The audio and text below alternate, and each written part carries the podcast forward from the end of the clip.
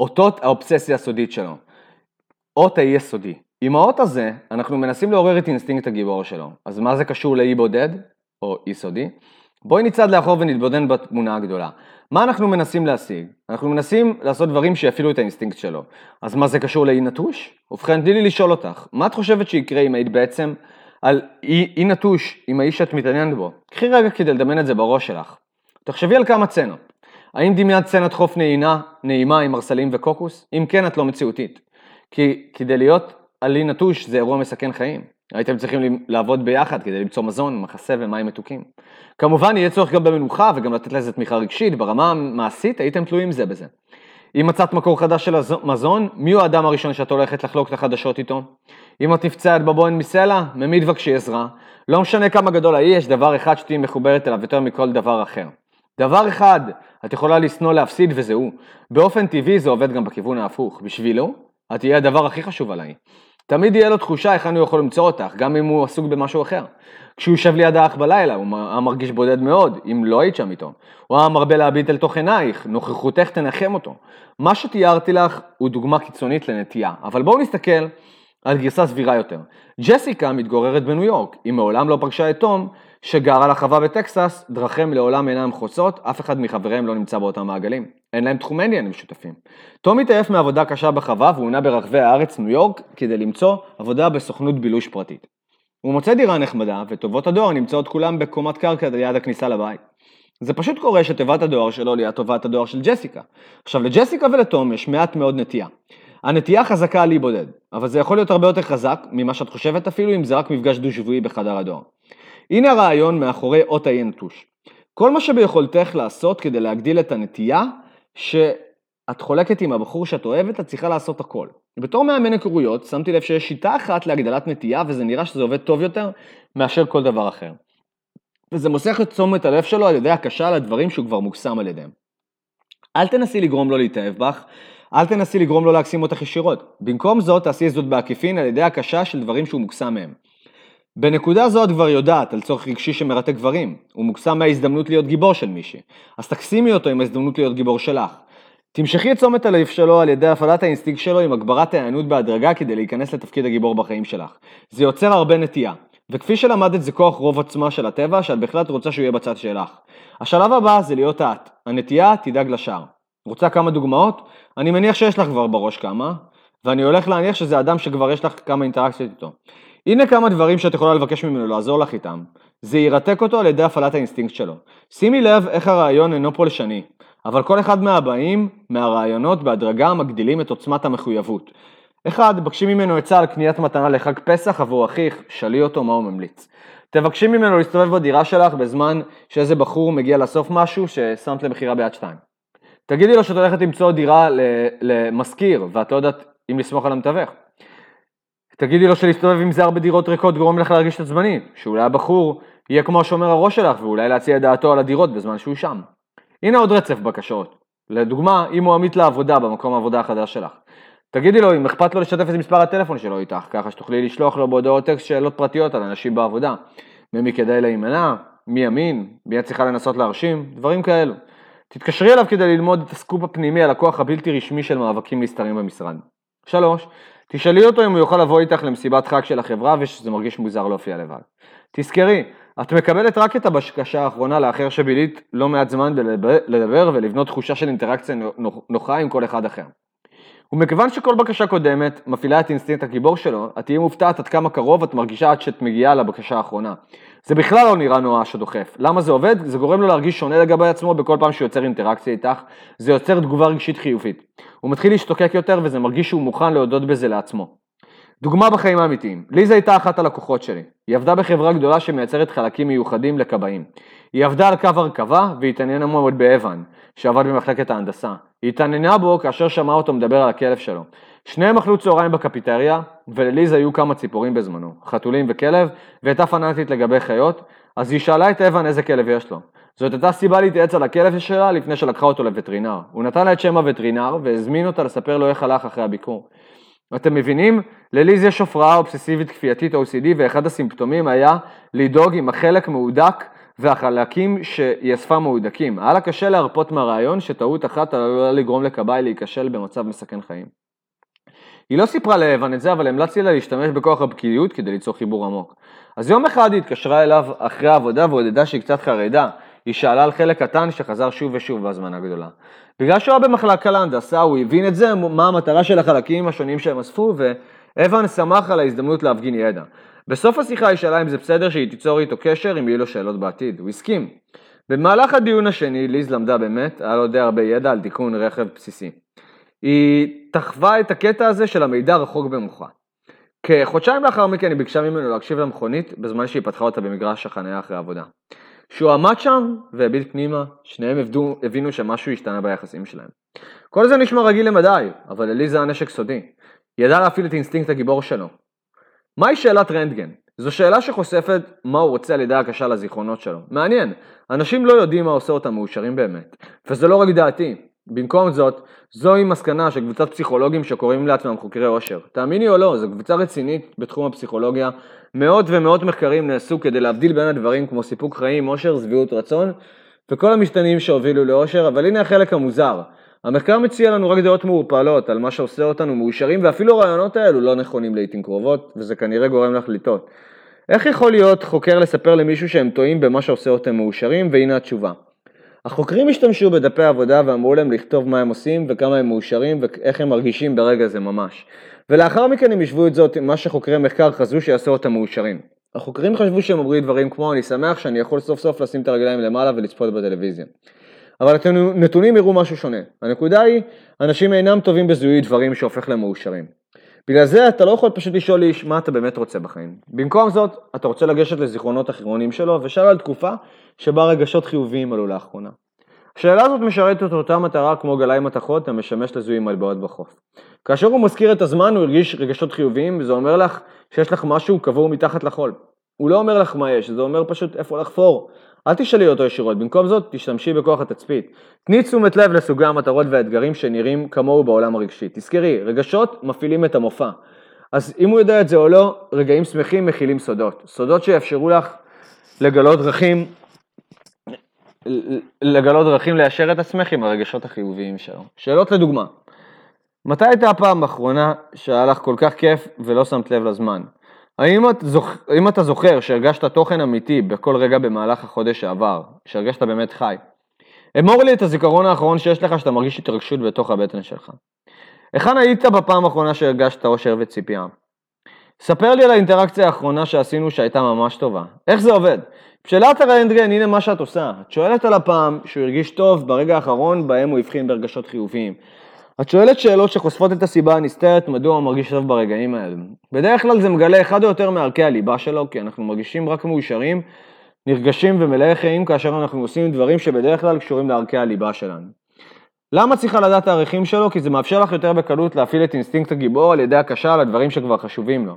את יכולה לנצל את הדברים שגורמים לו להרגיש טוב, ואת יכולה להציע דברים להתקדם לעבר חיים שמקיפים טוב יותר את הדברים שהוא מעריך, וזה עושה אותו מאושר כי זה נותן לו את האבססיה הסודית שלו, ועושה אותה חלק מהחיים הטובים ביותר שהוא יכול לדמיין. והנה דוגמה לסיפור. פקידת הקבלה שלי גיחכה קצת כשהיא נכנסה לדלת שלי, הכריזה שהלקוחה החדשה שלי, שרה, הייתה בחדר ההמתנה. הבנתי את חיוכה רק אחרי שהסתובבתי והצגתי את עצמי. שרה הייתה מושכת, והיא הייתה לבושה כאילו היא עומדת לצאת למסיבה. פקידת הקבלה הייתה שואלת אותי למה אנשים כאלו באים לייעוץ. היא הייתה תחת הרושם כי מראה טוב פותר אישה מהמאמץ של בניית מערכת יחסים מספקת. ואני מודה, שרה הייתה מאחת הנשים שהייתה כל כך מושכות שזה הסיחה את הדעת. אבל זה לא משנה עובדה אחת פשוטה. יחסים לא מגיעים עם מראה טוב. מערכת יחסים מספקת מתרחשת כאשר שני אנשים אוהבים לעשות אחד את השני מאושרים. שרה לא מצאה יחסים כאלו. היה לה חבר והיא שאלה אם כדאי לה להישאר איתו כי היא פגשה מישהו חדש. שרה הרגישה שהבחור החדש מתאים יותר וכעבור שבוע, שבועות אחדים היא שברה את הקשר עם החבר הישן. והיא נהייתה מתוסכלת, כי הבחור החדש לא הראה כל כך הרבה עניין. כשנפגשו לראשונה הייתה כימיה, אבל זה נראה שזה מתקרר. ושרה נכנסה למה שאני מכנה קבצנית מצבים. מצב הקבצן קורה ברמה הפסיכולוגית. היא ניגשה אליו בצורה שהיה לו את כל הכוח במערכת היחסים. היינו צריכים לשנות את זה. אז ביקשתי ממנה להעביר את תשומת הלב שלה לדברים שהבחור החדש כבר מוקסם על ידיהם. היא השתמשה בשאלות הרנטגן כדי להשיג זאת. מטרתה החדשה הייתה פשוטה. בכל פעם שהייתה הזדמנות לתקשר איתו, היא שאלה אותו על חוויות חיי השיא שלו. הוא אהב לדבר, הוא אהב לדבר על הדברים האלו. לא עבר זמן רב עד שהיא גילתה עניין משותף שהיה לה עבור מיזמים. הם התחילו לדבר על למכור בתים עבור רווח, הוא חש חי שחיפש חלום כזה. היא שאלה אותו על מה הוא נהנה לדבר איתה, והיא חשבה שהוא הולך להגיד שזה יהיה האינטרס המשותף למיזמים, אבל התשובה הפתיעה אותה. את כנראה מאמינה בי, זה מעורר בי השראה. ההורים שלי וכל חברותיי הקודמות גלגלו עיניים בכל פעם שדיברתי על אפשרויות. את שונה. זה נתן לה תובנה אדירה לגבי מה שעבד בשבילו ביחסים ההולכים וגדלים ביניהם, מצב הקפצה נעלם מזמן, והיא ידעה איך לוודא שזה נשאר ככה. שאלות רנטגן יכולות לתת לך יתרון לא הוגן. עצרי כדי לחשוב על האופן שבו את אולי משתמשת עם בחור שאת מכירה. תתחילי לשאול על רגעים שמחים וחוויות של חיי שיא. אות ההצצה. כאשר את משתמשת זה פשוט האות. לראות את העיניים, לשנות את, הפנטז, את הפנטזיה ולראות אותה פורחת במוחו. כמה מדהים, מדהים העתיד יכול להיות איתך. אני בטוח שאת רוצה לבנות חיים יפים ממי החלומות שלך, אבל איך את מעבירות לו את זה? איך את נותנת לו טעם של עוד כדי לעורר את התיאבון? זה מה שהביטוי, הצצה הוא כל העניין, זה ניצוץ של דמיון, ככה הדמיון עושה את העבודה בשבילך. מהו אות הביטוי? הביטוי הצצה זה משהו שאת אמורה להפעיל את הדמיון שלו. את בוחרת את המילים נכון. אם הוא רוצה את ההנאה הזאת, הוא יימשך על מה שהוא שומע. רוב האנשים מנסים לשכנע אחרים עם היגיון, אבל זה מביא אותם רחוק למה שהם רוצים להשיג. אחת הבעיות העיקריות עם היגיון הוא שאנשים באופן טבעי מחפשים טיעונים נגדיים או נקודות חלשות בטיעון שלך. הרגש הוא שונה. שנה רגשות של מישהו, והם יעלו עם סיבות משלהם כדי להצדיק את מעשיהם עם ההיגיון. והדרך הקלה ביותר לגשות, לשנות רגשות של מישהו להתחבר לדמיון שלהם. אל תנסי לשכנע אותו שאתה האדם הנכון. אל תספרי לו את הסיבות מדוע מערכות היחסים מחייבת תהיה הטובה ביותר בשבילו. במקום זאת, תפעילי את הדמיון שלו ותני לו לעשות את העבודה בשבילך. בשבילך. איך? על ידי כך שתבקשי ממנו לדמיין אפשרויות, אבל לא למלא פרטים. הפכי את דמיונו למלא את החסר. התפקיד שלך הוא פשוט לקבל את הכדור ולגלגל אותו. ואת עושה את זה עם משפטים פשוטים שמצידים את הסוגים הנכונים של השיחות. פיתויים לדוגמה באופן מפתיע. הדרך הטובה ביותר להשתמש בביטוי זה למעשה שאלה. כמו זה. מה לדעתך יקרה אם ננסה לשבור את הכללים ולחיות את החיים במלואם לקראת היותך מאושר, במקום רק לקוות לשמחה? כמובן, יהיה לך כמה רק שאלות מעקב אם את שואלת שאלה יוצאת דופן כזאת. במהלך השאלות האלו ומעקב הוא מבין שאת רצינית. הוא מקבל הצצה של האמונה שאת מחזיקה בראש שלך. האמונה כי החיים יכולים להיות יותר מאושרים, הרפתקניים יותר, מרגשים יותר ומעניינים יותר, איתך לצידו מכפי שהיה יכול להיות בלעדייך. הנה דרך נוספת לביטוי השאלה הראשונית שלך.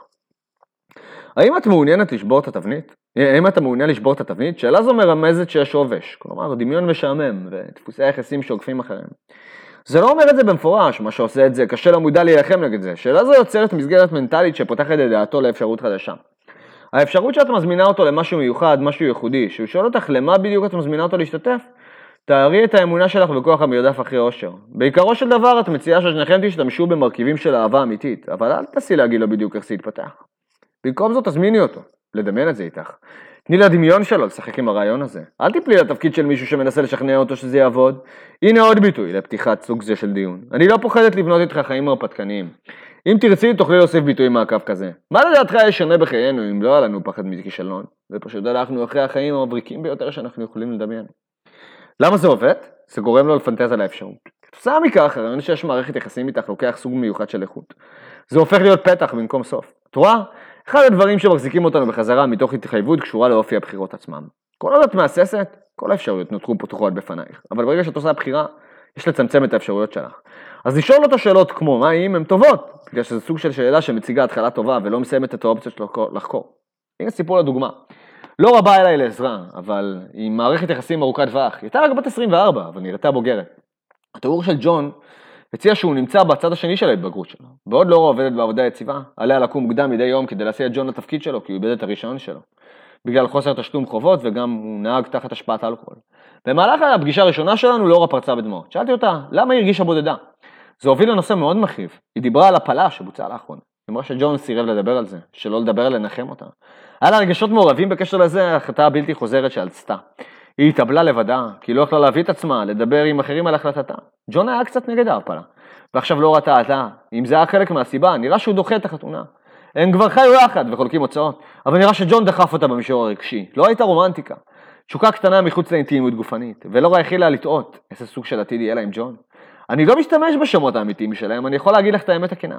חלק מהסיבות שהיא חיפשה את עצתי הייתה לראות אם אני ממליץ שהיא תעזוב אותו. אבל יכולתי להרגיש את ההיסוס שלה. בבירור עדיין היה לה רגשות עמוקים כלפי האיש הזה. במקרה של אורה, הפתרון היה ביטוי ההצצה. השתמשה בו להעיר מחדש את התעניינותו של ג'ון בהתחייבות לעתיד איתה.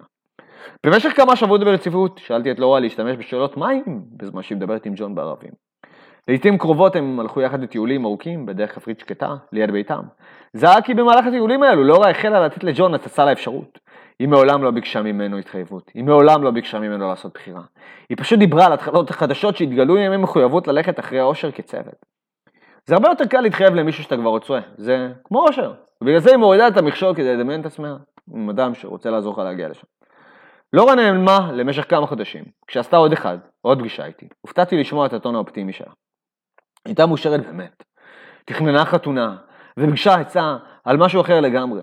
כששאלתי אותה איך ג'ון מגיב למשפט ההצצה, היא אמרה, או, אני לא צריכה לעשות את זה יותר. עכשיו הוא תמיד מדבר על העתיד שלנו. אני חושבת שהפכתי להיות כל כך מרוכזת בבעיות, שלא הבנתי עד כמה הפסקתי לדבר משהו כיף. זה הכוח הסודי של אותה הצצה, זה גורם לשניכם לדבר על משהו מעניין. משהו שאתה רוצה, וכיצד להגיע לשם, יחד, כצוות. הנושא הבא שנדבר עליו זה צוד, מטבע של יחסים מאושרים. מתבדר, מתברר, שיש סיכוי קטן מדי יום לעשות הפקדות רגשיות במערכת היחסים שלך, לגדול ולחזק את הקשר שלך, שלך, עם האיש שלך. למעשה מחקרים מראים כי ביצוע פקדונות אלו חותך את שיעור ההפרדה בחצי. תקפידי להשתמש בזה, כי למרות שזה לוקח פחות מ-10 שניות, זה יהפוך את אינסטינקט הגיבור שלו לחזק יותר, וירגיש קשר רגשי אלייך שגדל עם הזמן. מהו האות?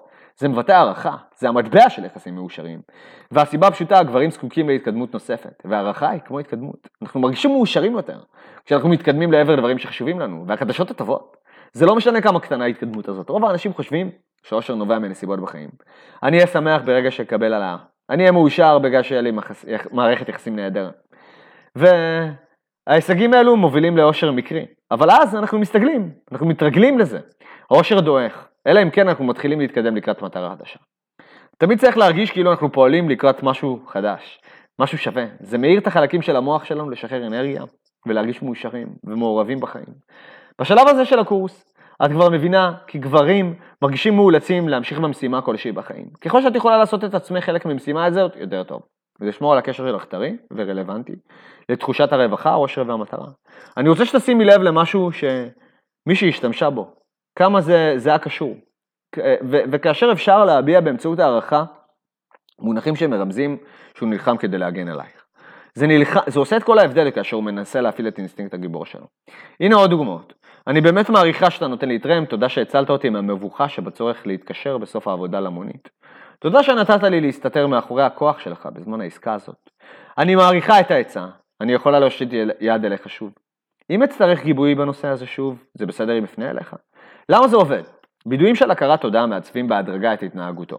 את יכולה לגרום אפילו לבחור הבלתי רצוני ביותר בהדרגה להיות האדם שמחפש דרכים חדשות להרשים אותך. את עושה את זה על ידי הפעלה, הפעלה קטנה בהדרגה ומראה לו דרכים להפוך לגיבור שלך ולקבל תודה.